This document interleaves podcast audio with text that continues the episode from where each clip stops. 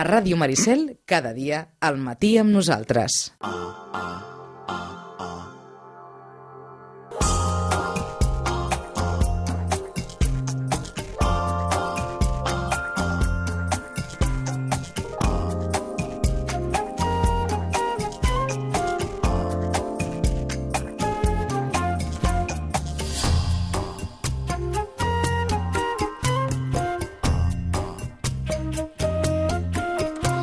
Després del Carnaval, poques coses han canviat a la llista dels llibres més venuts, tant en català com en castellà. Tot i que n'apareixen alguns, de, dels quals n'havíem parlat en algun moment, però us havíem deixat eh, una miqueta encara en espera de com podien anar a nivell de vendes. En castellà, Victus continua sent el llibre més venut, el llibre d'Albert Sánchez Pinyol, i Les ombres de Grey, tant en català com en castellà, acaparen els primers llocs de la classificació. En català apareixen en primer lloc un llibre del qual mm, no sé si n'havíem parlat o no, però d'aquí uns moments en farem referència perdó, amb Rosana Lluc, eh, parlem del Guardià Invisible i de, de Dolores Redondo i després de Societat Negra d'Andreu Martín. A l'altre costat del fil telefònic, Rosana, bon dia i bona hora. Hola, molt bon dia. Passat Carnaval, tornem Sí, tornem, tornem. A la vida perquè, real? Perquè la, els editors no han parat, eh? Encara que fos Carnaval, ells han continuat editant i editant i editant, eh? Entre altres haver coses- Un, un gran moment. Entre altres coses perquè estem segurs, estem a 20 de febrer, per tant, eh, dos mesos i Sant Jordi. Dos mesos de Sant Jordi, exactament. Eh? I per això això sí que es nota. Uh, a les taules de les novetats, això és... Uh, ja, ja no hi caben. D'acord, o sigui que estem en un compte enrere de Sant Jordi ja, de Estem fet. en un compte enrere, sí. D'acord. Pensa que aquests dies, aquests darrers dies, han sortit tots els premis. El, el, el Premi Nadal, el Premi Pla, el, el Sant Jordi, mm, saps? El Carla Mhm. Riba, eh, el Prudència Bertrana, absolutament tots els premis. O sigui que qui vulgui ja mm, posar-s'hi a llegir algun del que va ser notícia en el seu dia, eh, tots editats, tots a les llibreries ja. Sí, ara ja estan Mhm. editats i, i pensa que demà demà és un altre dia dels que surt un llibre que, malgrat que no ha tingut cap premi, suposo que estaràs d'acord en que serà un llibre que també se'n parlarà. Vinga, vostè Perquè dia. Ildefonso Falcones publica Ah. La reina descalça. D'acord. Aquest llibre situat a Sevilla. Exacte, aquest llibre situat a Sevilla i que després se'n va cap a, al Madrid Uh -huh. de mitjans del, del 18. eh, hi ha expectació. Sí, sí, sí, sí, n'hi ha, sí. La veritat és que n'hi ha i suposo que una vegada doncs, eh, les- l'editorial ja el tingui al carrer, suposo que també ens sentirem a parlar bastant perquè doncs, ja té contractat bastants mitjans de comunicació Mhm. parlant a l'hora del llibre. Perquè la prèvia no ha estat una prèvia molt present en els mitjans, eh? No, no, no. Jo no sé si una mica expressament, també. D'acord. Eh? En el fons, saps què passa? Que també són uns dies, malgrat que, bueno, són dies de carnaval, són dies que, que els, els llocs on no, no, diguéssim, no se celebra tant, però tampoc no... Febrer és un mes, doncs, bastant, no? Bastant tristoi, Mhm. eh? En el- pel que fa tot, i per tant no, no se n'ha parlat gaire. Eh, que, aquest mes que queda a cavall de... Sí. Mm, Allò, a cavall de festes, a cavall de tot, i per tant ningú està per massa despeses. No, no, no. Ja, en una època en què ja no s'està per massa despeses. Un, un gener que ja ens ha costat Ahà. i, i després eh, és un mes doncs també que, que és, és el que tu dius, no? Una mica cavall de tot Mhm. i per tant esperem aquesta primavera no? que vindrà ara.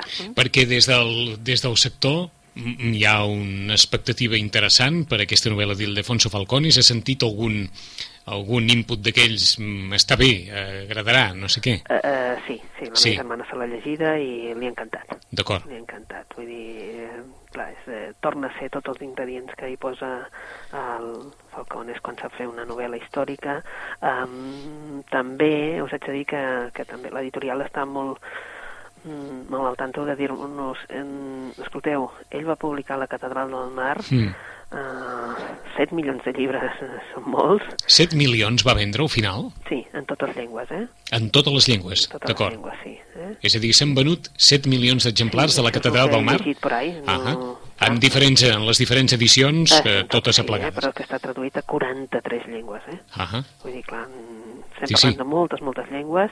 Clar, eh, després va publicar, ja ho saps, la, la mano de Fàtima, una novel·la molt diferent, potser amb molta, diguem-ne, amb molta, molta informació, potser, d'època, etc i potser una mica més feixuga de llegir.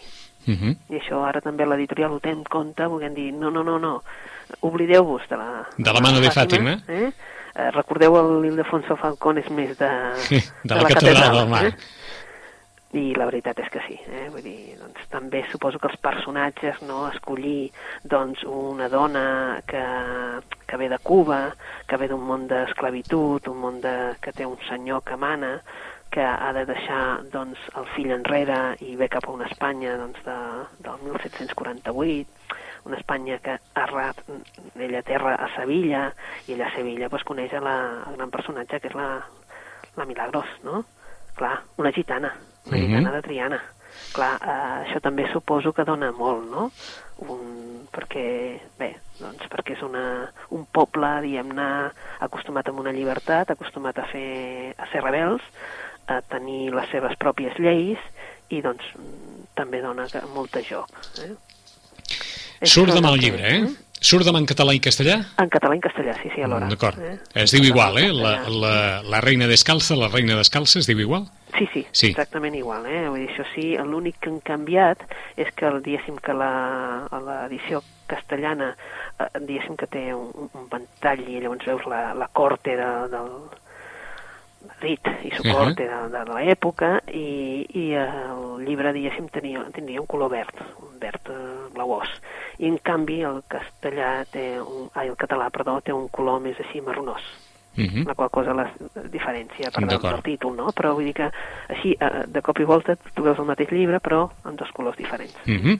En qualsevol cas, demà ja estarà disponible... Sí, sí, perquè avui avui arriba a totes les llibreries, o sigui Ah. que demà això sí que ho tenen, saps, que fan un important desplegament perquè estigui demà a tot arreu, Mhm. perquè ells volen que sigui demà el dia que es posi a la venda. D'acord, o sigui, tot està previst perquè d'aquí dos mesos, per Sant Jordi, el llibre ja estigui prou, diguem-ne, rodat, publicitat, Exacte. ventilat, com perquè pugui ser un dels grans llibres d'aquest Sant Jordi del 2013, no? Sí, sí, sí, ells el que no volen és, és arribar, o sigui, treure el llibre per Sant Jordi. Uh -huh. Perquè el llibre funcioni Sant Jordi s'ha de treure al febrer. D'acord. I això s'ho han après, em sembla que tots els editors, eh? Hmm. Perquè... Aqu aquesta prèvia, eh? Aquest, eh, aquests mesos, Sí, aquestes sí, setmanes que han de servir. Doni temps, no?, a que premsa, diguéssim, diguem-ne, tots els mitjans de comunicació tinguin ja doncs, una mica d'informació de tots els llibres, doni temps també doncs, que hagin informat també a tots els oients, no?, diguéssim, Mhm. tota la gent que llegeix aquest tipus de, de crítiques, o bé que hagi tingut temps també l'autor per sortir a algun programa, etc etc i llavors ja doncs, està més present a, a tothom. Eh? Llavors, és la manera de que donar-te a conèixer abans perquè no sigui que aquell dia, saps? Que tu perdis. Aquell dia només funcionen Eh, aquelles coses que eh. poden sortir a última hora Mhm. però que són directes de- d'allò, no? Um, perquè de la magnitud o de l'ambició d'aquesta presentació n'hi haurà algun altre per, de, cara, de cara a Sant Jordi, diguem-ne, d'autor de llibre que, que ja d'entrada es pugui anticipar com un dels grans llibres d'aquest eh, Sant Jordi? No, eh, No. eh, eh, eh, falta per sortir així a nivell eh, d'autor estranger, no, no d'autor d'aquí, però d'autor estranger, ens falta el John Irving. Mm. Llavors, el John Irving s'ha de reconèixer que surt a finals de febrer, amb, és a dir, l'última setmana de febrer surt en català i uns dies després surt en castellà. D'acord. O sigui, així com a autors més coneguts i que d'això, de la resta... D'acord. Per tant, tot sembla molt ben posicionat per Ildefonso Falcones, eh? Sí, sí. sí, sí, La, sí, la, la reina descalza surt demà, qui se l'ha llegida diu que li ha encantat, Mm. I a tots aquells que en aquest cas haguessin conegut a Falcones per la mano de Fàtima, l'editorial diu que res a veure amb el, diguem-ne, record que pugui haver de la mano de Fàtima, sinó que això apunta més a la manera d'escriure i de fer de la Catedral del Mar. Per tant, a qui més o menys li va captivar, li va interessar la Catedral del Mar, probablement li agradarà la forma en què aborda la història i el Defonso Falcones a la reina descalza. I havíem parlat del guardià invisible?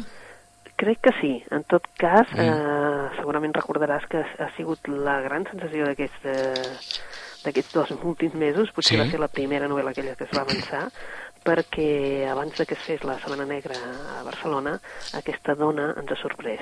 No és la seva primera novel·la, però sí que és la seva primera novel·la a nivell així, nacional i, i coneguda. Uh -huh. uh, és una dona que ens situa per primera vegada una novel·la negra, però uh, no, en un, no en un entorn de ciutat, sinó, sinó en un entorn de, diguem-ne, de boscos, eh? perquè es, fa a la Valle de Bastant i llavors ha sigut la gran sensació perquè introdueix altres elements que no són elements, Mhm. mm -hmm. diguéssim, normals en una novel·la negra, perquè es, es tracta d'unes nenes que, adolescents que apareix primer una al cap de Ara, ara sí que ho recordo. Eh que sí? Mm.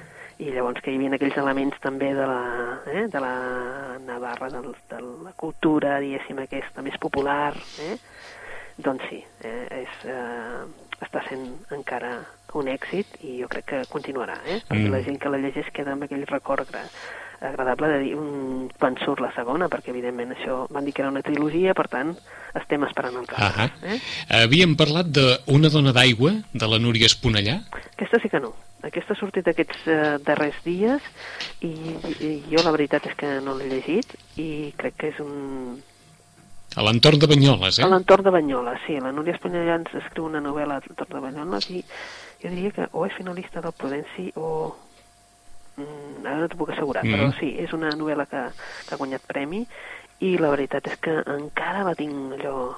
Ara en tinc unes quantes, eh? De pendents. Aquesta deia, eh? Havíem parlat del sentit d'un final, Diria que sí, aquesta porta d'en Julian Barnes. és Diríem que sí que, era, que eren les cartes de l'amic, eh, si no recordo malament, rep els diaris d'un antic amic i amb la seva lectura se submergeix en els anys de la seva joventut. Eh, Sí, eh, exacte. El sentit d'un final del Barnes és, és, de fet, és eh, aquest antic amic, en definitiva, ell el que recorda és eh, un antic amor. Mm? I llavors és la recerca d'aquesta dona i una mica doncs, eh, se situa ell ja és una persona, diguem-ne, jubilat, eh? Mhm. separat, i el que fa doncs, també és recordar un, una època, no? A mi em va agradar molt aquesta obra, també.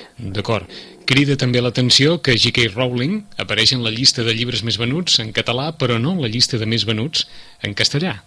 No, però sí que és cert que des d'un primer moment mm, és curiós, és curiós perquè és veritat que uh, Harry Potter es va vendre sempre molt més en Sí. castellà, però en canvi la vacana imprevista per mi va ser una sorpresa perquè des del primer dia, des del primer dia es va veure que en català es venia molt més. Que en castellà. Sí, Mm? sí, sí, la vacana imprevista sí. I s'està venent en general? Bé, ara són... febrer és un mes molt... Eh, molt- d'acord, d'acord. Molt, molt, trist, molt trist per tot, eh? Vull dir que... Sí. Queda clar, queda clar. Eh? Dir, ja ho veus, eh? Que clar que queda. Queda clar. Però dins que el mes sigui tristot, el, el cas és que la sí, llista... perquè hi ha aquell interès Mm? de... D'esperar una mica. De, de saber què, què, escriu l'autora, no? De dir, Mhm. com, com ho fa ara que fa una, una obra plenament per adults, que no té res a veure amb el món de la fantasia, que en aquest cas vol fer una obra, diguéssim, una mica d'intriga, no?, diguéssim, perquè hi ha un assassinat, o sigui que eh, exactament què és, no? Dir, I llavors suposo que aquest tipus d'intriga, etc., i conèixer l'autora, doncs fa que el llibre es vengui. D'acord, i abans de fer un repàs a les novetats assenyalem també, perquè en vam parlar en el darrer dia de, de Salvador Espriu, que en la categoria d'assaig, aquest Espriu transparent d'Agustí Pons, la biografia eh, d'Espriu editada per Proa, està en els llibres més venuts en, en no ficció, en categoria d'assaig, en català. Espriu transparent. Sí, espriu transparent. I jo espero, espero, i aquestes coses són les que esperem tots, no? Mhm. Que, bé, no sé si sortiran a les llistes dels més venuts, però dintre de molt pocs dies es torna a reeditar la- l'obra d'Es- d'Espriu, saps, allò amb nova portada, Ahà. amb la portada de, de l'any Espriu, etc. I jo crec que tinc aquella petita esperança de que jo, per mi aquest any és l'any Espriu, jo crec que també serà una manera de que molta més gent conegui doncs, els, els, els poemes de l'Espriu. Mm. Doncs, eh, hi ha una combinació interessant eh, en assaig perquè hi ha la, la biografia d'Espriu ha eh, El record és un pont al passat. S'ha col·locat en el segon lloc en la llista de llibres més venuts el llibre en què l'actriu Montserrat Carulla saben vostès, Premi Gaudí eh, d'honor repassa diu una infantesa dura un matrimoni infeliç matrimoni amb Felip Penya, gran actor i gran doblador, i una maduresa serena, i hi ha també el llibre, hi ha dos llibres, diguem-ne, de, com, com ho diríem, això, de superació personal, el de Joseph Arshram, No sé on és el límit, i el de Kilian Jornet, Corre o morir, que continua estant en la llista dels llibres més venuts, o hi ha, per exemple, una altra aproximació al doctor eh, Brogi, de Rafael Argullol, eh, a partir de converses que va mantenir sobre la condició humana, els seus enigmes i esperances. I sembla mentida com el doctor Brogi continua sí. en aquest cas, eh, en, tan òbviament, present, no? Eh, tan present en, en, en la vida quotidiana dels de, de els lectors en català, eh? Sí, sí, sí, la veritat és que sí, i, i és bonic també veure-ho, sí, no? Sí, sí. Veure que, que hi ha aquest tipus de llibres a la, a la llista de, uh mhm. -huh. de no ficció. D'una certa referència i sí. intergeneracional, un home que va viure travessats els 100 anys fins a Kilian Jornet o, o Joseph Arram, mm. que, que formen part d'una generació, òbviament, a, a llarga distància, no? Sí, sí, a més a més el Kilian, malgrat que, doncs, que, que ara no s'està venent potser tant com es venia al principi, mm -hmm. és curiós que s'hagi venut durant tants mesos perquè és un llibre de córrer, eh? Sí, perquè el Sant Jordi de l'any passat ja en parlàvem, sí, no? Sí, per això et dic, vull dir que és un llibre que, que dius, és curiós que, doncs, no? Que, uh mhm. -huh. que tingui aquest recorregut tan llarg, aquest recorregut, eh? i a més a més que sigui una persona que, que atrapi a, a tants lectors, eh? Uh mhm. -huh. Que generi aquest magnetisme. Sí, aquesta eh? simpatia cap a veure que, de què ens parla, sí, no? Sí, sí, Anem a fer un repàs als suggeriments que la Rosana ens vulgui donar. Per on comencem? Doncs... Saps allò que n'hi ha, n'hi ha tants, n'hi ha tants, ha tants que dius, bueno, ara per on comencem, no? Doncs no sé, n'hi ha una que no sé si en vam parlar, de la hermana de Freud, diria que no. Jo diria que no, no però sí? ja ho saps que la meva memòria sí, en aquest més, cas no és com la teva. També, i vaig prometre que no faria saps, un dossier i no l'he mirat. Uh, L'autor és Gozes Milevski i la veritat és que ens parla una mica, va acabar entre el que seria la biografia, perquè aquest senyor s'ha documentat molt, és un noi que s'ha documentat molt, i la, la novel·la, en definitiva és una novel·la, eh? Uh mhm. -huh. Però ens parlaria una mica de les germanes del Freud, eh? El Freud, quan eh, li van fer fer el 38, eh? Eh, aconsegueix un salconduit per, per sortir de, de Viena, eh?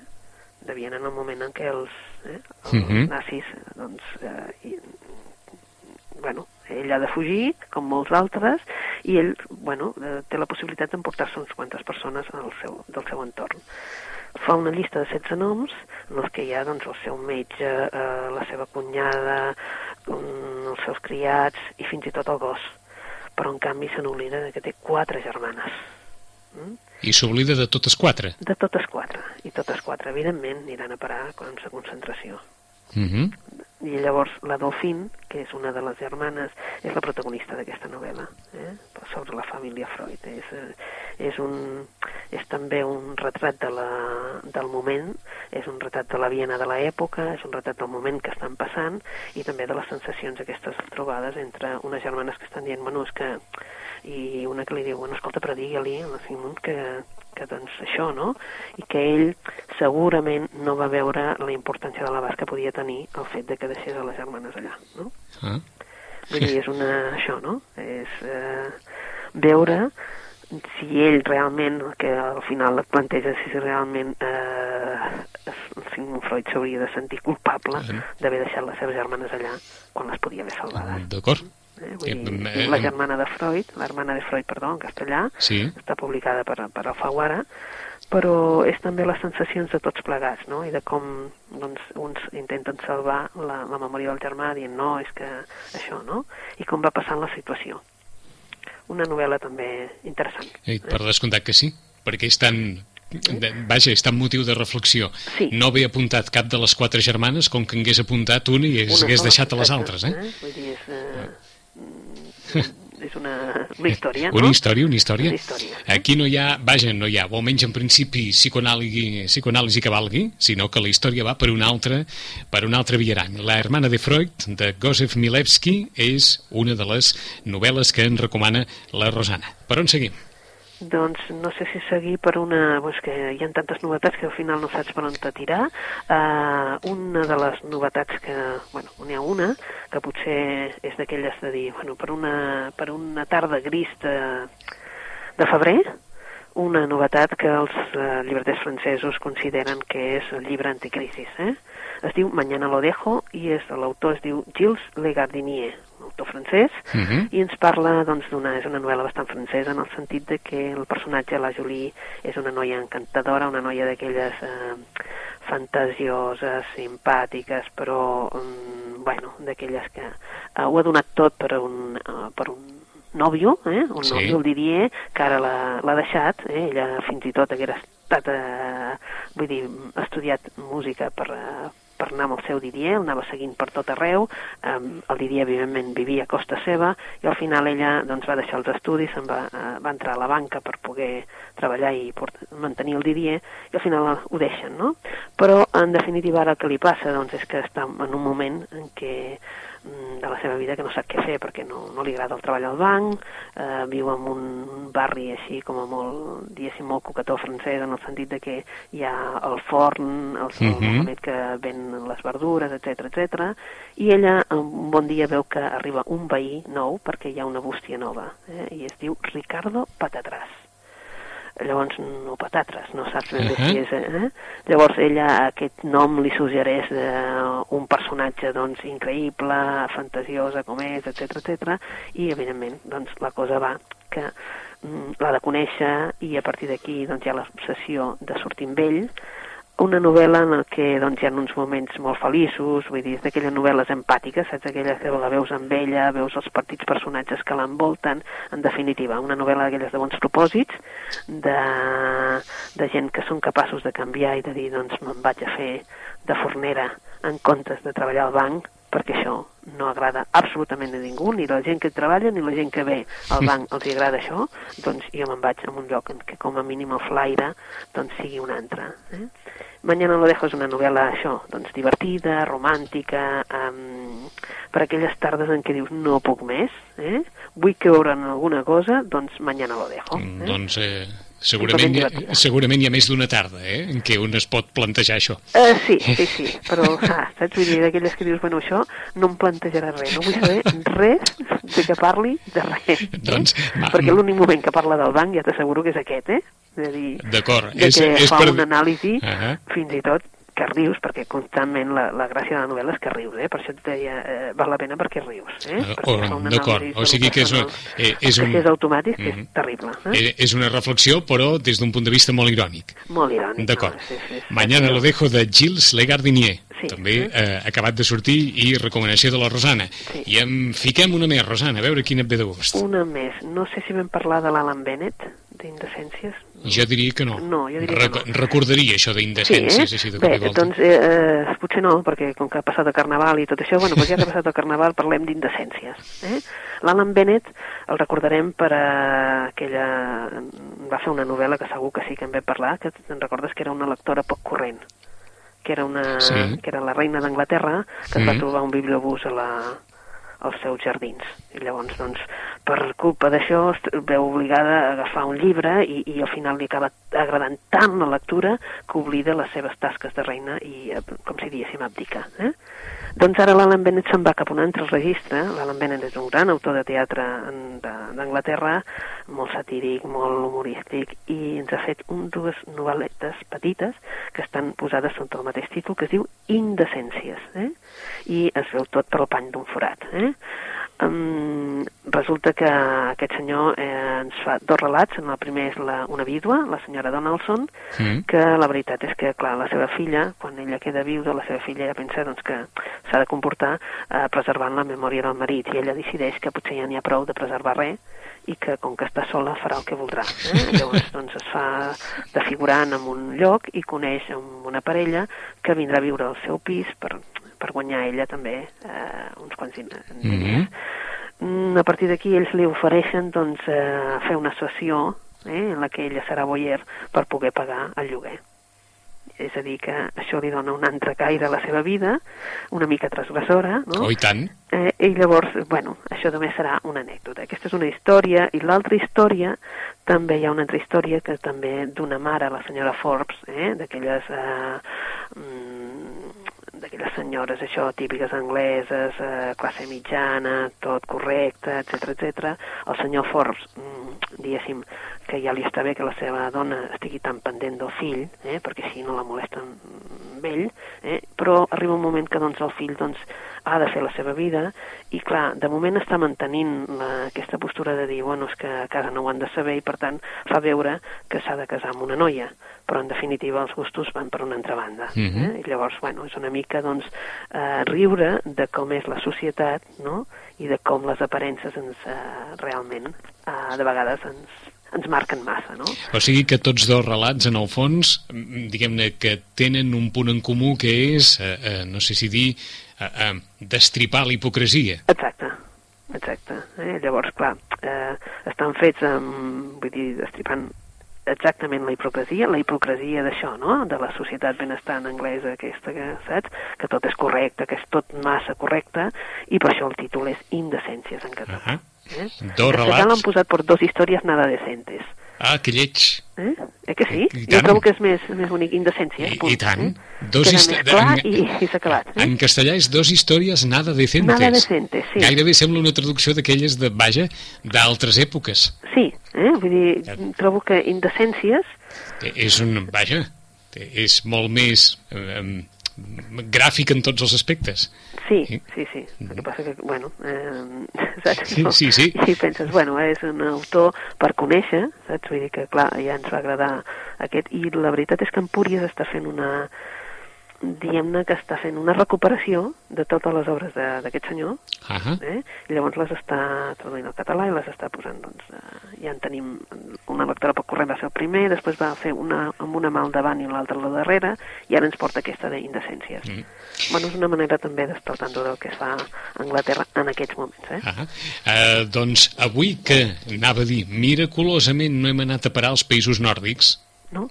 Eh? encara que, que sembli mentida, perquè hi ha segurament, i en la llista de la Rosana segur que hi ha eh, propostes que venen dels Sí, sí, països també n'hi ha, nòrdics. però- També n'hi ha, eh? Sí. Però avui sí que has decidit allò, eh, anar per un, altre, per un altre camí. Hem començat fent referència, sobretot, recordar, demà surt el darrer llibre, el nou llibre d'Ildefonso Falcones, La reina descalza, demà a totes les llibreries, ja hi està avui, demà es comença a vendre, tant en català com en castellà, la història d'aquesta cubana que arriba a Sevilla l'any 1748, a mitjans del segle XVIII, i que coneix a una gitana de Triana, anomenada Milagros. A partir d'aquí, una història que està plena, plena, plena d'elements per agradar, segons diuen qui eh, l'han llegida, i molt probablement serà un dels llibres de Sant Jordi. També en les recomanacions de la Rosana, la germana de Freud, l'hermana de Freud, de Josef Milewski, aquesta història de per què Freud no hi va incloure cap de les seves quatre germanes en la llista de persones que el podien acompanyar a sortir de Viena gràcies a un salt conduït en l'època de l'Angelus, en l'època de, de l'entrada de les tropes de Hitler a la capital. Mm, Varen marxar 16 persones al costat de Sigmund Freud, inclòs el gos, però en canvi cap de les seves quatre germanes que van anar a parar a camps de concentració. Mañana lo dejo, aquesta història de cop de puny sobre la taula i nova vida, la que explica Gilles Legardinier en aquesta novel·la. I hem acabat amb aquestes històries d'hipocresia que escriu un dels autors de teatre més coneguts a la Gran Bretanya, carregades d'ironia càustica. Eh, La història d'aquesta vídua que farà el que voldrà i es veurà per dir-ho d'alguna manera, involucrada en una feina que no hagués pensat mai que faria, i la història de la senyora Forbes, aquesta marassa que mm, d'alguna manera veu com el seu fill guarda les aparences sobre la seva condició eh, sexual. En 15 dies hi tornarem i la Rosana ja ens podrà dir si veritablement Ildefonso Falcones està fent encaix o no a la llista dels llibres més venuts. Rosana, fins aquí 15 dies. Fins aquí 15 dies amb vosaltres. Adéu-siau. Molt bona lectura.